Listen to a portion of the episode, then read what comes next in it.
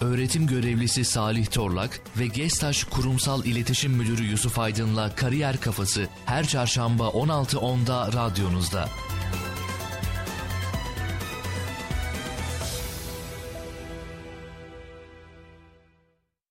Evet Kampüs FM dinleyicileri Kariyer Kafası programıyla her çarşamba olduğu gibi yine aynı saatinizde Hocam Salih Torlak hocamla yine birlikteyiz. Hocam hoş geldin. Hoş bulduk. Merhabalar. Ee, soğuk bir Çanakkale çarşambası diyebiliriz değil mi? Bundan sonra hep öyle geçecek. Bundan sonra hep öyle geldi artık. Aynen pazar günde kar bekleniyormuş zannedersem.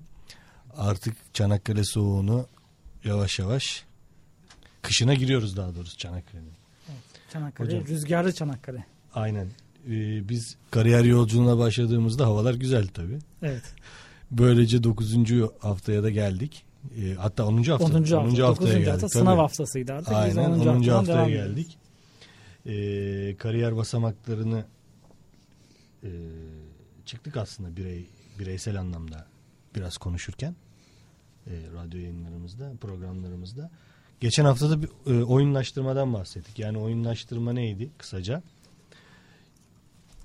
Bireylere şirketlerin motivasyon sağlayıcı aslında unsur. Ya sadece şirketlerin değil aslında.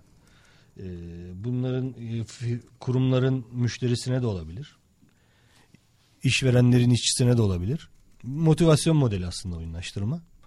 Ee, şimdi oyunlaştırmadan bahsettik biz ama biraz da motivasyon yani oyunlaştırma bir motivasyon kaynağı. Ama motivasyon aslında e, bir süreç. Biraz da bu hafta e, geçen hafta da aynı şeyi vaat etmiştik. E, bu hafta motivasyona biraz daha içsel olarak girecektik. E, sen de bir şey söyleyecektin o arada. Ben ona değinecektim. Yani biz motivasyonu anlattık. Motivasyonun içinde oyunlaştırmayı ayrıca ele aldık. Evet. E belki bu hafta alışkanlık edinme, alışkanlıklardan vazgeçmeye yine değinebiliriz. Yani kısacası bizi güdüleyen şeylere yine değinebiliriz. Yani motivasyon kaynağı olarak bir işe başlarken motivasyon kaynağı alıyoruz ama o işi alışkanlık haline getirmek için bizi harekete geçiren şeyler süreklilik olması için, devamlılığını arz etmesi için neler yapmamız gerektiğine biraz bahsetmemiz lazım aslında. İnsan neden motive olur hocam? Ya da biz burada programın başından beri neden bahsediyoruz? Kariyer hedefinden bahsediyoruz. Hı hı. İşte hangi yaşta, hangi aşamalardan geçerse doğru kariyer hedefi oluşulabilir diyoruz. Aslında amaç ne? Başarıya ulaşmak. Tabii başarıya ulaşmak ve bunu keyifli yapmak. Yani Keyifli. sonuçta insanın hem yatkın, eğilimli olduğu alanda daha başarılı olacağını bildiğimiz için onu keşfetmesini sağlamak hem de bundan keyif almasını sağlamak. Aynen başarı da doğru motivasyonla gelen bir şey aslında. Ee, biz dışsal motivasyon kaynaklarından biraz geçen hafta bahsettik. Oyunlaştırmada bundan biriydi ama biraz da aslında alışkanlık haline getirmek dedin ya sen. Hı hı. Alışkanlık birey, biraz bireysel yani kişinin kendisiyle alakalı. Kendi tutumuyla alakalı bir durum. Bu süreçte biz nasıl motivasyon kaynaklarımızı sürekli hale getirebiliriz ona bakacağız biraz. Bunun birçok yöntemi olabilir. Ee, kişinin kendi yetiştiriliş tarzıyla veya aldığı eğitimle de alakalı da olabilir, şekillenebilir belki ama e, her birey için olan doğrular var aslında Hı hı. bununla ilgili. Biraz onlara bakacağız çünkü genel bakmak gerekiyor. Daha doğrusu şöyle bir şey var. Biz bunu alışkanlık olabilir, değiştirebilir, geliştirilebilir, yöntemi olabilir diyoruz ama e, birçok insan doğal olarak doğal seyrinde bunu yapıyor. Ben böyleyim diyor mesela. Evet. Ya benim huyum bu diyor. Şimdi toplumda bir de şöyle bir söz var mı? Hani huyu çıksın ya da işte can çıkar huy çıkmaz. Yedisinde neyse yetmişinde de odur gibi. Şimdi insanın değişmeyeceğine dair ya da nasılsa öyle olacağına dair bir intiba da var. Biz bir nevi bunun dışında bir şeyler söylüyoruz. Aslında bu değişebilir, değişiklik mümkün olabilir diye. Aslında her insanın kendi bir mizacı var. Ama o mizaç nasıl oluşuyor? Anne karnından doğar doğmaz ben böyleyim dediği huylarla doğmuyordur insanlar. Tabii ki ama e, şöyle bir şey. Şimdi doğ, tabii ki o şekilde doğmuyordur ama e, mesela başardığını görmek de bir motivasyon kaynağı aslında. Yani şimdi biz başarı için kariyer hedeflerini tırmanıyoruz ya yani başarmasak da sonuçta ilk nihai amacımız başarmak. Yani Evet. Sonuçta bir başarıya ulaşmasak da başarı için biz bunu yapıyoruz. Ve başardığını görmek de en fa- e, en iyi bir motivasyon kaynağı olarak geçiyor. Ama tabii bu başarıya giden yolda da kendimize ufak ufak hedefler hep bundan bahsettik. Büyük hedef değil de ufak ufak hedefler koymalı. Yani hedefleri ne kadar küçültürsek o kadar e, motivasyon güçlü devam eder gibisinden bahsettik. E, bu noktadan baktığımızda hani e, başarıya giden yolda motivasyon kaynaklarını e, tabii ki çeşitlendirebiliriz ya da e, bireylere göre de değişir demiştim ama ana şey e, ne yaptığımızı bilmeliyiz ilk başta. Tabii. Yani gitmek istediğimiz bir yer olmalı ki Evet. o rüzgar bize yardımcı olsun. Yelkenlerimizi doğru yönde şişirsin. Yani bizim Evet. bir hedefimiz olmalı yoksa zaten savruluyoruz. Zaten bir tarafa sürükleniyoruz. Hani hayatın feleğin çemberi miydi? Yani zaten bizi bir tarafa sürüklüyor. Hatta fırsatlar bölümünde şeyi konuşmuştuk.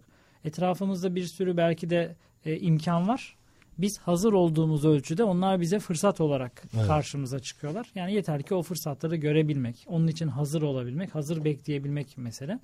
Tabii ki kadere de inanıyoruz. Başımıza gelen şeylerin bizim dışımızda şeyler olabileceğine de inanıyoruz. Biz bizlik kısmına odaklanmaya çalışıyoruz. Yani biz ne yaparsak bunu aktif yönetiriz. Evet. Şimdi e, ben birkaç e, motivasyon sürekliliği ile ilgili birkaç cümle söyleyeceğim hocam. Sen de fikirlerini lütfen e, aktarıp e, devamını getirirsen sevinirim. Şimdi hedefler e, içsel motivasyonu desteklemeli gibi bir tabir var. Ben şimdi biraz programına gelmeden önce de bu konuyla ilgili biraz daha hani bilgimi tazelemek amaçlı birkaç şeye baktığımda bireysel olarak her şey, e, çalıştığın ortama göre veya eğitimine göre, yaşadığın çevreye göre bunu e, insanlar ayrılıyor, kişiler kişilik olarak ayrılıyor ama genel olarak her birey için geçerli olan bazı e, genel kanılar var aslında. Mesela e, şu somut hedefler koymak, soyut değil de somut hedefler koymak diye bir tabire rastladım. Bunu biraz da senin fikrine Tabii yani daha Almak için. ulaşılabilir, ölçülebilir olmalı e, hedefler. Aynen. Aslında bu bizim çocukluktan beri yaptığımız bir şey. Evet. Birdir bir oynarken e, veya işte uzun eşek diyelim. E, atlayacağın yeri bilirsen Evet. yani gözün kapalı atlamıyorsan ne kadar süre koşman gerekiyor, ne kadar yükseğe zıplaman gerekiyor bunu bilirsin. Ama bir adamın gözünü bağlarsan çok küçücük bir hedeften bile atlarken düşer. Yani başkasının tabiriyle işte 3 adım ötede 20 santim yüksekliğinde bir şey var dediğinde kişi onu kestiremeyebilir. Şöyle düşünün hocam. Mesela şu evinizdesiniz. Ee, sürekli kullandığınız oda. Kendi odanız, çalışma odanız da olabilir. Ee, sürekli girip çıkıyorsunuz aynı yer. Hı hı. Ama ışıkları kapattığınızı düşünün. Yani sanki hemen burnunuzun dibinde bir engel varmış gibi hiç hareket edemezsiniz. Tabii Değil ona? Aynı alışık şey. değilsen. Ona alışık değilseniz. Aynı durum aslında bahset. Tabii yani somutlaştırmak şunun için önemli. Eğer somutlaşırsa gözün önündeki şey onu bilirsen, e, onu ölçebilirsen kendin onu hazırlayabilirsin. O yüzden şirketlerin bazen misyon vizyonları yazılır internet Evet. sayfalarında. Çoğunlukla yazılmış olmak için yazılan şeylerdir. E, çok böyle ölçülü olmaz. Ya da e, tamam vizyon dedikleri şey özellikle biraz böyle uçuk olmak e, olmalı. İnsanı böyle biraz daha yükseğe hedeflemeli ama bazen öyle uçuk şeyler yazılır ki aradaki bağlantıyı kuramaz. Evet. Yani bir hedef var ya da daha doğrusu bir vizyon mesajı var ama o vizyona nasıl gidilir? Nasıl ya olsa da gidilemeyecek. aynada kendine baktın mı gidebilecek pozisyonda mısın? Heh, yani öyle bir yol çizilmiş ki bir Kaf Dağı var. Aradaki yol yok. Hani hangi yoldan gideyim diye bir düşünce de yok. Zaten öyle uçuk bir yer çizilmiş. Soyut bir hedefe mi dönüşüyor? Aynen biraz? bu soyut bir hedef olur ve bu soyut hedefi somutlaştırmak mümkün olmaktan çıkarsa zaten öyle bir gayret olmazsa oraya varamazsınız tabii ki. Orada yazılı şekilde kalır. Bir araştırmaya denk geldim hocam bununla ilgili bakarken eee, bilgileri tazeleme amaçlı. Şimdi insanlar genelde soyut hedeflerle yola çıkıyormuş. Şöyle bir şey. Mesela bir iş kariyerinizde bir noktadasınız ve bir iş yapıyorsunuz.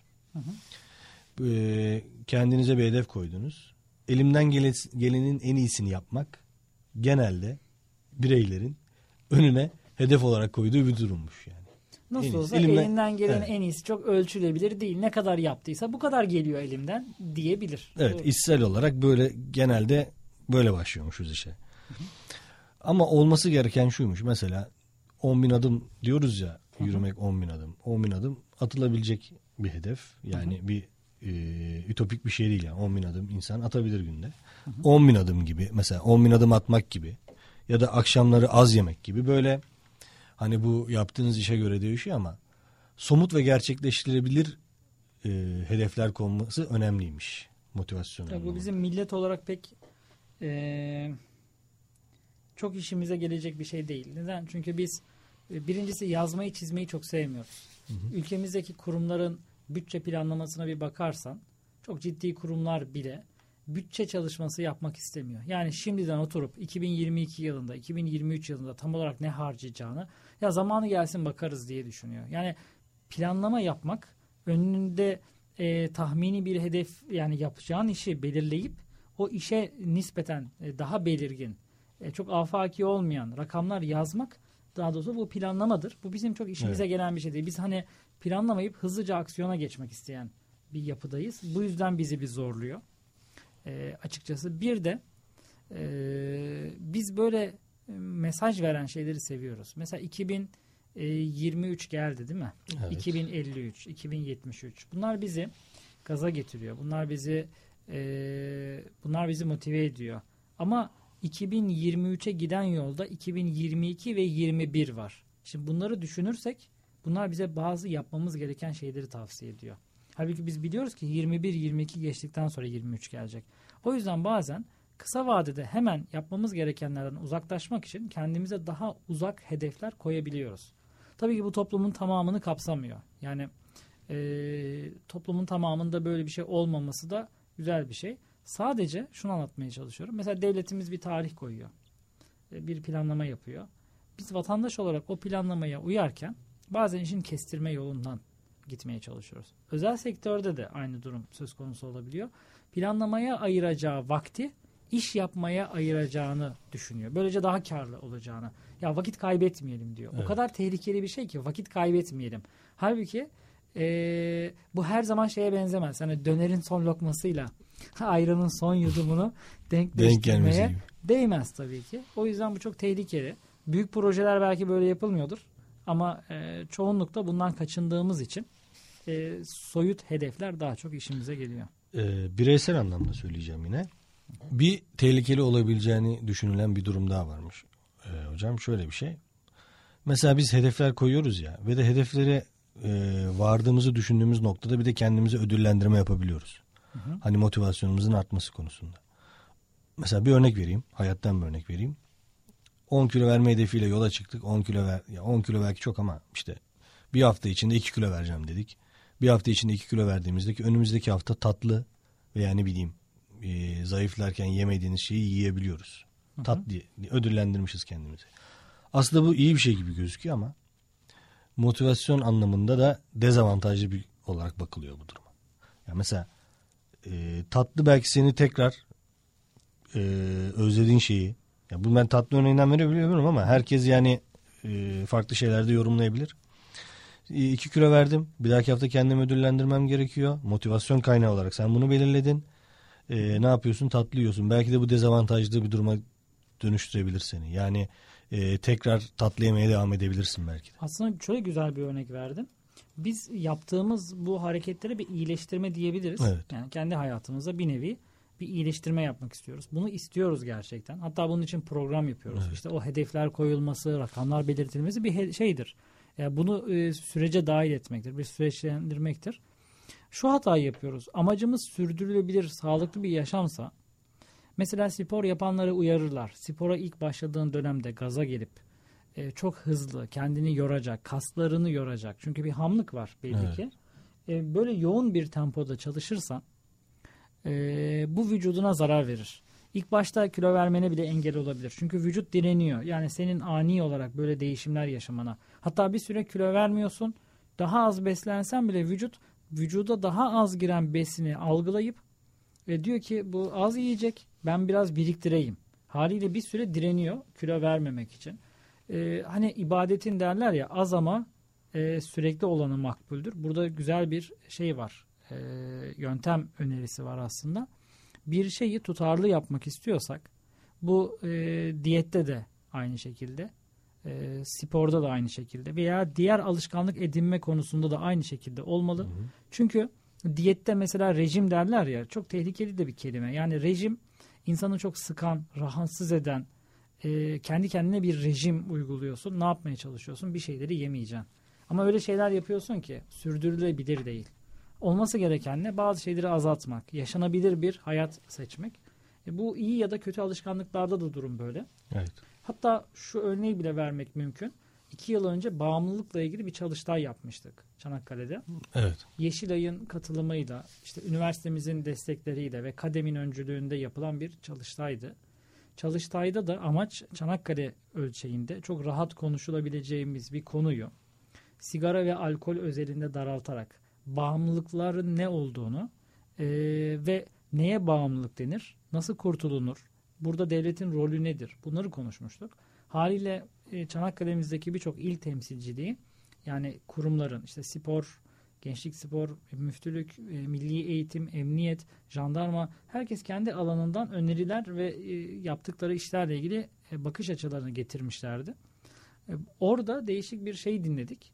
Özellikle müftülüğümüzün sunumu hala aklımda kaldı. Değişik bir sunumu vardı. Bağımlılık bir alışkanlık. Evet. İstesek de istemesek de hatta kontrolün dışına çıktığındaki bir alışkanlık bu. Yani ben her akşam şunu yemeden yatmam.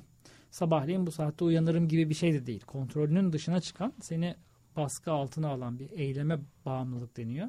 Yani normalinden fazla şey Tabii. yaptığın bir şey aslında. Fazlasıyla Ya da yapmaman işte- gereken Heh, bir şey. senin kontrol edemediğin kısım artık. Yani bu illa e, sigara olmak zorunda değil. illa alkol olmak zorunda değil. Yani sabahleyin kahve içmeden uyanamıyorum. Teknoloji Şey bağımlılığı diye bir şey de var. Tabii teknoloji de öyle. Şunu yapmadan bunu yapamıyorum dediğin, bağımlı hissettiğin, seni esareti altına alan her şey için geçerli. Sadece toplumdaki genel kanı olan kötü alışkanlık olarak devletin de yasalarında geçen iki nesneyi almışlardı ele.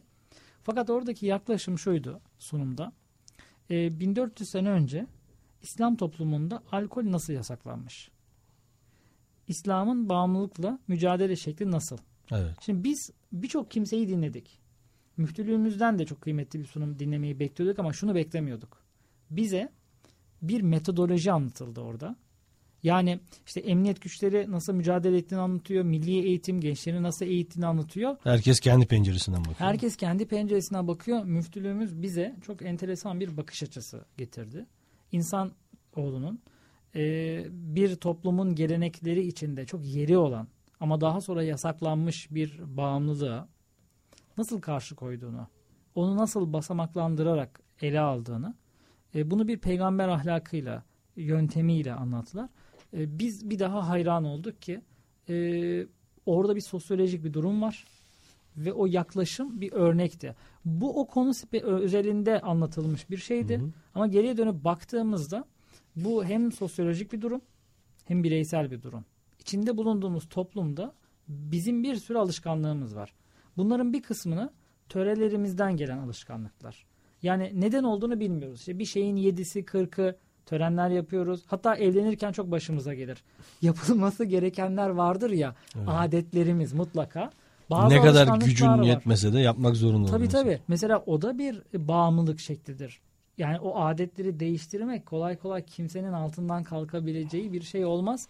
Yapması gerektiğini düşünür çok- insanlar. Ee, nikah bozu yani nişan Öyle. bozulduğunu atıldığını biliyoruz hocam onun. Evet öyle bir durumda var. Şimdiki gençler belki çok ilgilenmiyor ama toplumun kendi içinde işte geleneklerinden, inancından, yaşam biçiminden ya da mesela bugün bize dayatılanlardan böyle yapmak zorundayız dediğimiz o kadar çok şey var ki bunların bir kısmını biz kendimiz çekiyoruz. Alışkanlık haline getiriyoruz. İşte teknoloji. O olmadan yapamayız mantığı. Ya da bazen toplumun bize dayattığı şeyler var. Böyle olmalı diye.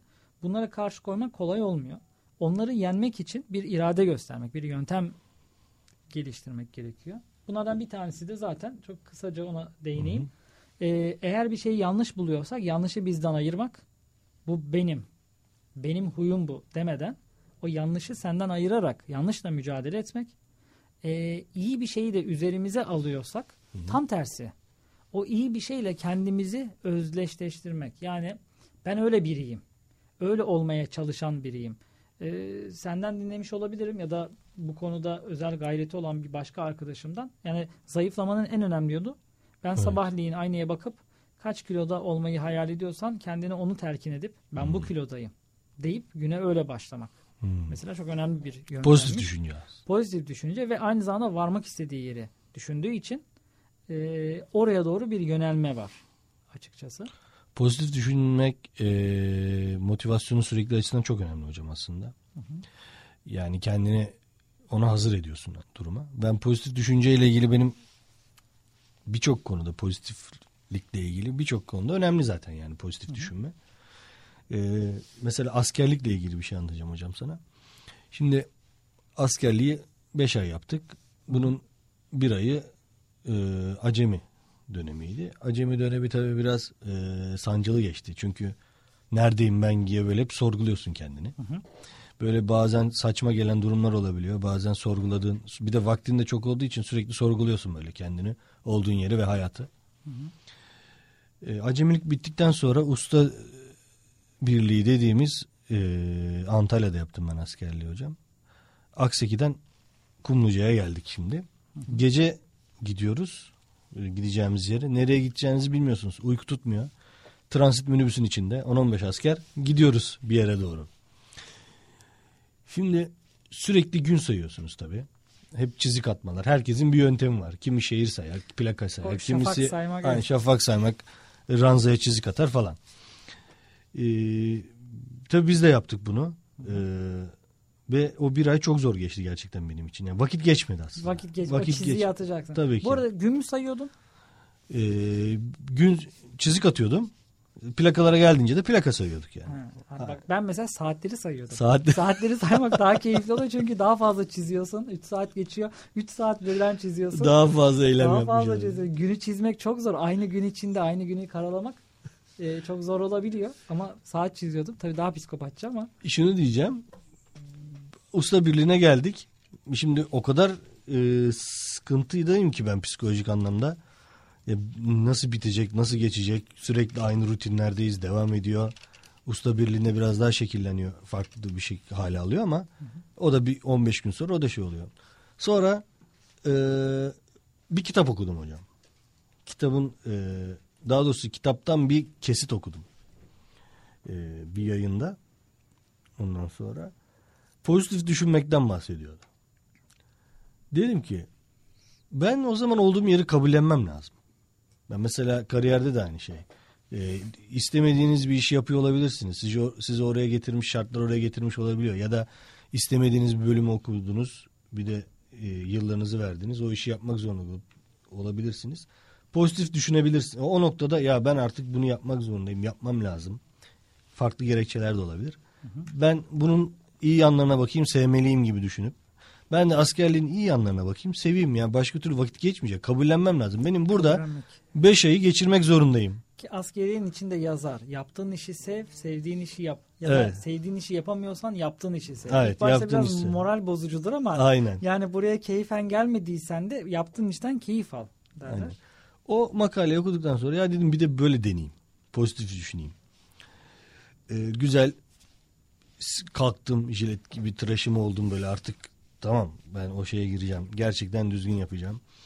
Ondan sonra ben komutan postasıydım. Komutan benden hep şey beklerdi. Binerken arabamın kapısını aç. işte kapat. Kısa ee, dönem mi yaptın? Kısa, kısa dönem yaptım evet. Selamlar falan. Ben bunları hep böyle e, çekinerek hatta bir yaparken biri bana bakıyor mu falan böyle hani bir eğriti mi duruyor falan gibi yapıyordum. Ama bu sefer jilet gibi yapıyorum. Kapıyı açıyorum. Emret komutanı falan böyle. Komutan da hoşuna gitmeye başladı. Ben Bizim de kabullendiğini kabul, anladı. Aynen kabullendiğimi anladı. Komutanın da hoşuna gitmeye başlayınca bana da bu sefer artı yönde dönmeye başladı. İşte nöbeti az yazmaya başladı falan. Hı hı. Dedim ben o zaman kabulleneyim bunu. Bak faydasını da görüyorum pozitif düşünerek bu şekilde askerliği daha iyi geçirdik yani aslında. Aslında neden o, o modda olamıyorduk? Ben şimdi hatırlıyorum. iki şeyi söyleyeyim. Bir tanesi bize kısa dönem gittiğimiz için, üniversite bitirdiğimiz için ki gençlere bir tavsiye olsun. Üniversiteyi bitirip gittiğimiz için kendimizi bir şey zannediyorduk zannedersem. Çünkü evet. şöyle bir ifade vardı. Yedek subay olarak alma imkanları vardı bizi. Evet. Yedek subay değilsen bile yani biz kısa dönem er olarak gittiğimizde hep şöyle bir şey söyleniyordu. İşte bir olay olsa, olumsuz Aynen. bir durum. Siz onların üstüsünüz. Siz onlar kimlerin üstüsünüz? Az subayların ki komutanlarımızın kulakları Şehir efsanesi olabilir hocam. Evet. Yani şöyle bir düşünce var. Ee, bizim babamız yaşında bir az subay bizimle bir sorun yaşayacak. Ee, biz üniversite mezun olduğumuz için askeri mahkemede yani kimin aklından çıkıyorsa bu tabii bir artistlik durumu oluyordu. Tabiri caizse. İyi denemeye kalkmadın ya. Yok yok şöyle bir durum var. Zaten insanları kasan şu oluyor. Yani iyi kötü bir üniversite bitirmişsin. Efendi bir duruşun var. Yani bir eğitim almışsın. Ama askeriye gidiyorsun. herkeste şöyle bir düşünce oluyor. İşte ben bunu yapacak adam mıydım? Ama sen orada hani hep bu gerçektir bu hikaye. Sen şimdi mühendissin. Orada sana verecekleri tek şey televizyon yani televizyon kumandası aç kapa veya daha basit işler. Veya şunu anlamak gerekiyor. İstediğin kadar üniversite oku. Devasa bir kurumun içine giriyorsun. Asgariye Evet. çok ciddi bir kurum. Evet. Ve orası işleyen bir makine. Sen o makinenin içine giriyorsun. E, sadece bir üniversite bitirmişsin. Kendini şey zannediyorsun. Hani böyle müdür olacağım. Yükseklerde gözün. Bitince hemen CEO olacağım. E, haliyle orada yeşilleri giyiyorsun. Tek tip basit bir görev veriliyor. Herkes ben bu işi aynısın yapacak adam mıydım? Hani arabanın kapısını açacak adam mıydım? Sınıf ayrımı yok. Sınıf ayrımı. Hem de şöyle bir durum oluşuyor. O havada gittiğin için komutana selam verirken bile bir ciddiyetsizlik olabiliyor. Ne kadar erken kabullenirsen ve yaptığın işe saygı duyarsan onlardan da saygı görüyorsun. Yoksa onlar e, benim gördüğüm kadarıyla oradaki komutanlar en azından benim muhatap olduğum kesimde e, çok naif yani babacan bir tavır gördük. E, belki daha uzun dönem askerlik yapanlara karşı biraz daha disiplini davranıyorlardı. Bizden tek şey bekledikleri şuydu. Sen saygılı davran. Görevi yerine getir. Çünkü e, kısa dönemleri hani poşet derler ya. Hani bir lakaytlık vardı. Evet. Ben mesela şöyle yenmiştim onu. Yenmiştim diyeyim.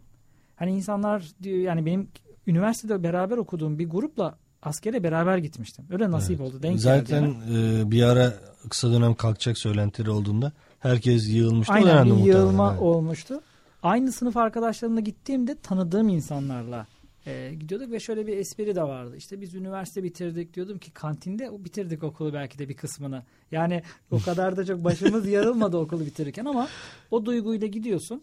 Sadece benim şöyle bir durumumu hatırlıyorum. E, K-Pax diye bir dizi izlemiştim. Bir film.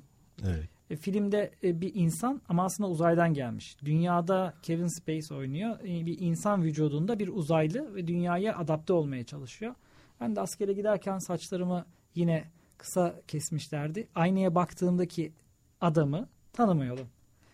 Ben K-Pax'ten gelmiş gibiydim. Hani ben bunu yapacak adam mıydım diye düşünmüyordum. Ben aynadaki adam değilim zaten. Yani bu ben değilim e, duygusunu dedim. O bana çok rahat ettirmişti. Ve Şimdi- çok çabuk bir şekilde askeriyenin bütün kurallarına e, ciddiye alarak uymaya çalışmıştım. Şimdi her muhabbet askerlik muhabbetine dönüyor hocam. Evet. Burada da öyle oldu gibi Değil oldu mi? ama Yani mutlaka Mutlu- değinecektir. Aynen. Kariyer diye konuşuyorsak mutlaka değiniriz Aynen. askeriyeye. e, burada aslında ben pozitif düşünme. Hani orada benim mesela beş buçuk aylık dönemde bir buçuk ay ile dört ay arasındaki fark yani oradaki pozitif düşündükten sonraki dört ayın inanın daha dolu dolu ve daha hızlı geçtiğinin farkını aslında söylemek için. Sonra ne yapmıştın peki? Sonrası hiç po- e, şeyden sonra mı? Yani olumlu düşünmeye başladın. Sonra sürecin hızlanması için neler yaptın? İşte askerliği kabul ediyorsunuz. Oradaki e, sizden bekleneni e, doğru bir şekilde verip ya da e, gerçekten ben askerim. E, 6 ay sonra gideceğim değil de bu benim mesleğim. Ben artık askerim gibi düşündüğümüzde yapmamız gerektiği gibi düşündüğünüzde ben orada e, olumlu olarak geri dönüş komutanımdan aldığımı ve bununla bana az nöbet tutma.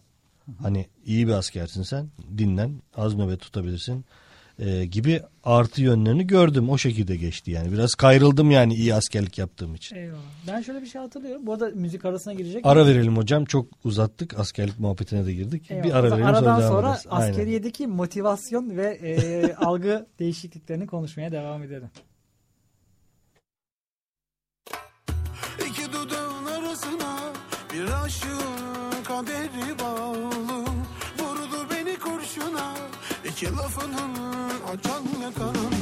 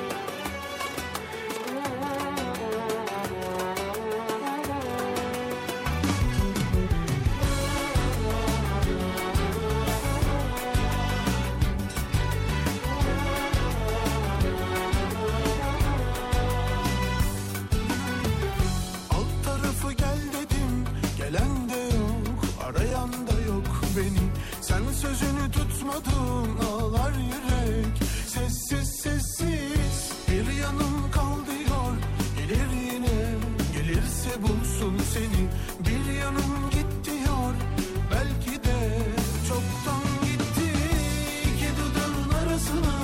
Bir aşığın kaderi bağlı Vurdu beni kurşuna iki lafının tek anlamı.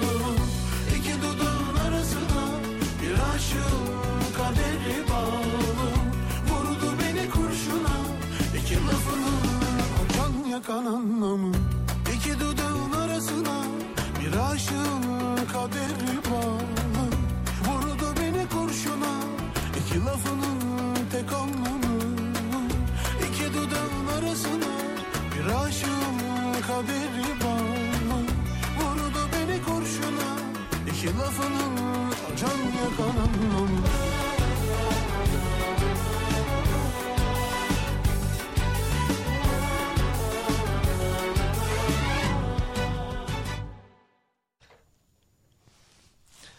Evet hocam arayı verdik.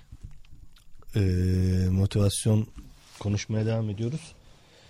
Şimdi en son pozitif düşünmekten bahsettik. Pozitif düşünmekle ilgili bir şey söyleyecek misin? Şöyle e, askeriyeye örneğine girmiştik. Yani Hı hı. askerlik vazifesi örneğine girmiştik Evet. ki birçok e, Türk gencinin e, kutsal askerlik vazifesini e, zorunlu olarak e, yaptığı e, e, dönerken e, acaba beni tekrar geri alırlar mı diye e, çıkarken o motivasyonla çıktı. Oradayken de elinden geldiğince hizmet ettiği kıymetli bir görev. Ama o görevi yaparken haliyle hepimiz normal sivil hayata dönme arzusunda olduğumuz için ya da büyük çoğunluğumuz orada değişik bir motivasyona ihtiyacımız vardı. Sen bir örnek verdin. Oraya olumlu bakmak Evet. e, günlerin daha verimli geçmesine sebep olabiliyor. Bizim de e, kısa dönem yani üniversite mezunu olup giden birçok arkadaşla gittiğimiz için farkına vardığımız bazı şeyler vardı. E, kendimizi aşmak için bir şekilde oranın kurallarına uyup vakti bereketlendirmek için yaptığımız şeyler. Bir tanesi belki oradan devam edebiliriz.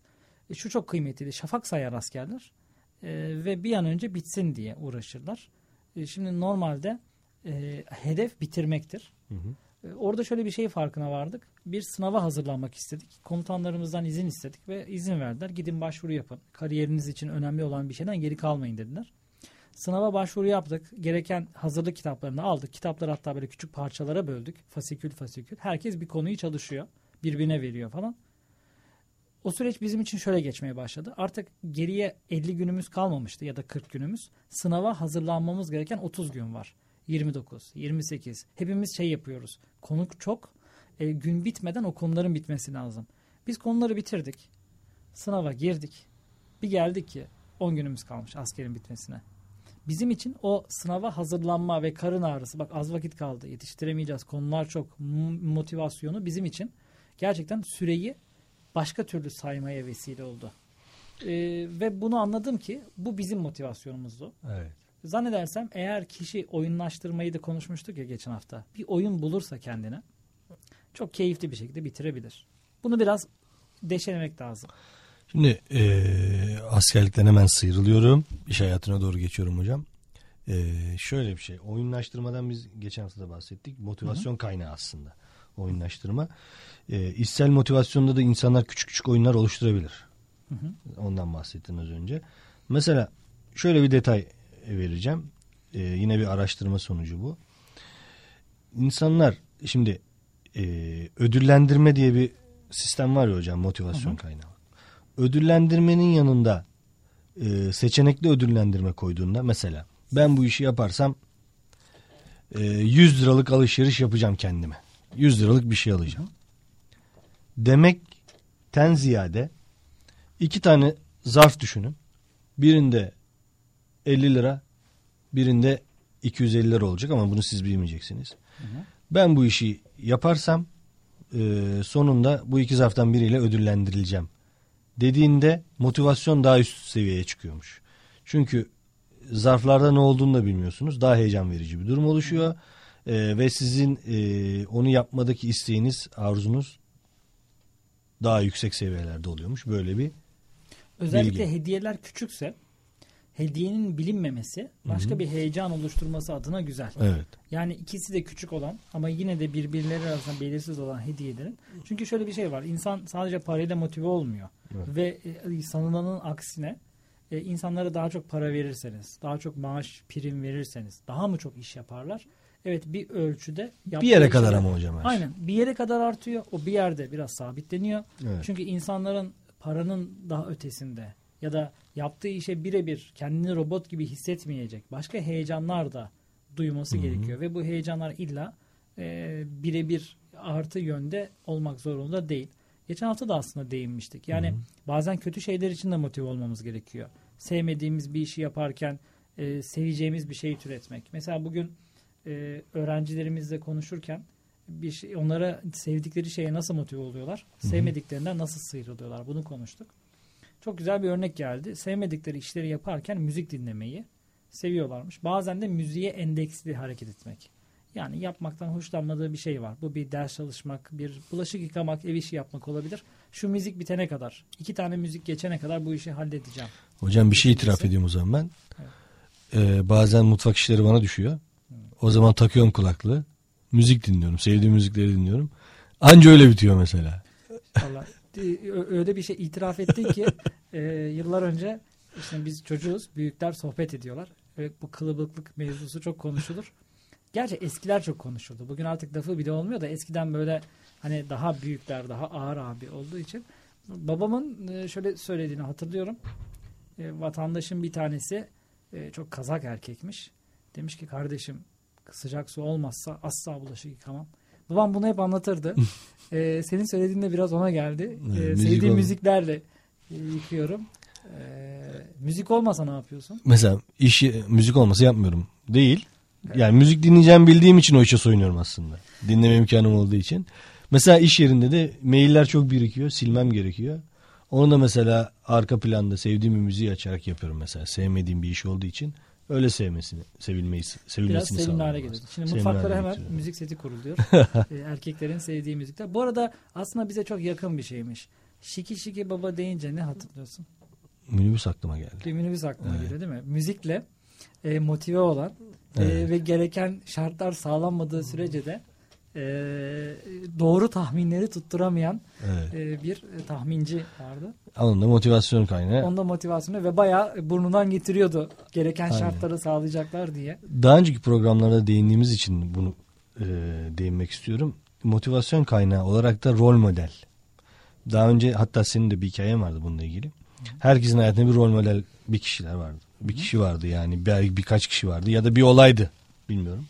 E, şahıs olarak e, yola çıkarsak yani belli bir hedef için kendine motivasyon koyan kişiler e, genellikle rol modellerinin yaptıklarını motivasyon kaynağı olarak görebiliyorlarmış. Yani daha önce o işi aynı işi yapanların geçtiği yollardan geçme, geçtiği yollardan ders çıkarma ya da e, bir başarısızlık yaşadılarsa daha önce yani rol model olarak gördüğü kişi de aynı başarılıktan başarısızlığa uğramışsa e, onu başarısız olarak görmeyebiliyorlarmış. Yani Ama mesela şey o da böyleydi. Tabii yani şu anda toplumda öne çıkan e, mesela özellikle kadınlar için bazı şeyleri yapabilecekleri konusunda onları teşvik e- etmek için bakıyorsun bazı kişiler öne çıkartılıyor. Evet.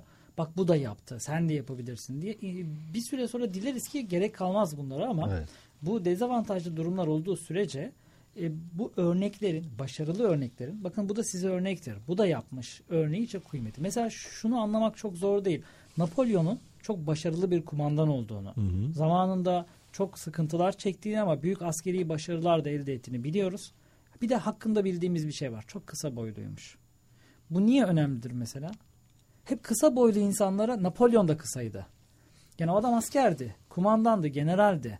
Belki de kısalığıyla hiçbir ilgisi yoktu ama şu çok anlatılmıştır mesela. Boyu kısa olan gençlere evet sen basketçi olmak zorunda değilsin ama unutma Napolyon da kısaydı. Yani Napolyon'un Ya boy kısa ölçüsü- olarak da yapabileceğim, başarabileceğim bir Baş- şeyler Aynen var öyle. ama. Yani birçok kumandan vardır tarihte ama Napolyon'un boyunun kısalığı boyu kısa olduğu için kendine yani üzülen, olumsuz duygulara kapılan belki de birçok gence ilham olmuştur. Yani ben de belki kumandan olacak değilim ama ben de büyük işler başarabilirim diye. Evet toplumda böyle öne çıkan figürler kıymetli. Ve bir örnek görmeyi hepimiz isteriz. Zaten çalıştığımız kurumlarda da öyle olmuyor mu? Bir şey yapacağımız zaman bazen bize soruyorlar örneği var mı? Bazen biz soruyoruz daha önce yapılmış mı? Evet. E, düşün ki bir yolda bakıyoruz. tabii yani bir yolda yürüyeceksin. E, daha önce birisi başarmışsa büyük bir ilham oluyordur. Bir şey daha mesela rol modelden kastım e, daha önce o işi yapmış yani o işte otorite olan kişiler olabilir. Bir de şöyle bir durum var aynı işte çalıştığımız iş arkadaşlarımız var. Hı hı. Bunların başarı ister istemez insan kendini iş arkadaşıyla benzer iş yapan iş arkadaşıyla e, aynı birimde olmasa bile mesela müdürdür o da müdürdür falan gibi düşünebiliriz yöneticidir yani E, kendini onlarla kıyaslama içinde bulabiliyor. Mutlaka bir evet kıyas yapılır. Bu kıyaslamaya doğru açıdan bakmadığımızda bu da bir acayip e, derecede motivasyon düşüklüğü yaratıyor insanda. Özellikle iş hayatındakilerin en büyük hatalarından bir tanesi. Tabii Elma ki. ile armutu karıştırmak. Evet karıştırmak. Yani burada iyi çalışmasını örnek almak aslında bunun önüne geçilecek bir durum. Ee, o yapıyor ben yapamıyorumdan ziyade neden doğru yapıyor, nasıl doğru yapıyor gibisinden. Ee, bu ikisinin aslında içsel birinin aslında içsel çatışması ama ikisinin arasındaki bu rekabet iş, iş yerine de olumlu yansıyacak bir duruma dönüşüyor. Bir de anlamlı hale gelecek. Mesela şunu kaçırmamak lazım. Rol model insanları incelerken mesela bazen birilerini getiririz, öğrencilerimize buluştururuz. Veya bazen mezunlarımızı davet ederiz. Kendi başarılarını ya da işte bir yere gelmişlerse oraya nasıl geldiklerini anlatırlar. Bu anlatım bazen her şeyi mükemmel yapma gibi olur. Halbuki bu çok tehlikeli. Evet. Hiç kimse sadece yukarı doğru ilerlemez. Düşersin kalkarsın. Zaten hiç düşmediysen orada da bir eksiklik vardır. Haliyle- Denememişsin yani. Tabii bazı detaylara bakmak lazım. Hatta bu konuda güzel bir kitap var. Bazen olmaz diye. Bugün çok kıymetli yerlerde olan kişilerin bazen ne tür hatalar yaptığını, bazen nasıl başarısız olduğunu anlatıyor. Ama Şunu- iki kez yapmıyorlar Heh, muhtemelen. belki iki- aynı hatayı iki kez yapmıyor ya da o hatadan müthiş bir ders çıkardığı için bugün bu noktada veya toparlanabildiği için. Yani mesele nasıl düştüğün değil. Hani Raki'de de var ya nasıl kalktığın, kalkabilmek önemli. Şununla bağlayalım. Eğer bir başarı hikayesini sürekli muhteşemlik hikayesi olarak algılarsak hem nasibimiz azalır hem de insan kaynakları ki ileride haftalarda bunları konuşacağız. İnsan kaynakları mülakatında birine başarıları kadar şunu sorarlar. Başarısız olduğunuz bir anınızı anlatın. Kişi bunu duyduğunda şaşırıyorsa başarısızlık mı hiç düşünmedim ki diye. Mesela bu çok olumsuz bir durumdur. Hiç mi başarısız olmadın? Hiç mi bundan bir ders çıkarmadın? Bu çok kıymetlidir. Ne ders çıkardığımız. O yüzden insanları dinlerken gerçekçi olarak onların hayatını dinlemek ve doğru kıyaslamalar yapmak önemli. Hocam süremizin de sonuna geldik. Sana bir soru soracağım. Ama sorunun cevabını haftaya alacağım. Tamam. Ee, buradan da haftaya e, yayını bağlamış oluruz yani e, geçiş anlamında.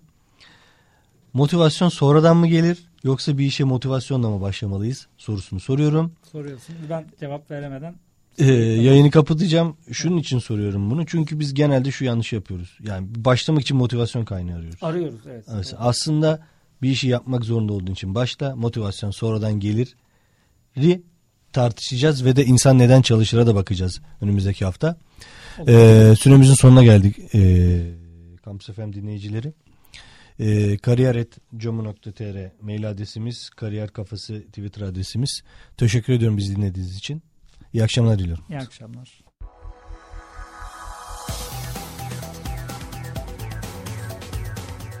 Öğretim görevlisi Salih Torlak ve Gestaş Kurumsal İletişim Müdürü Yusuf Aydın'la Kariyer Kafası her çarşamba 16.10'da radyonuzda.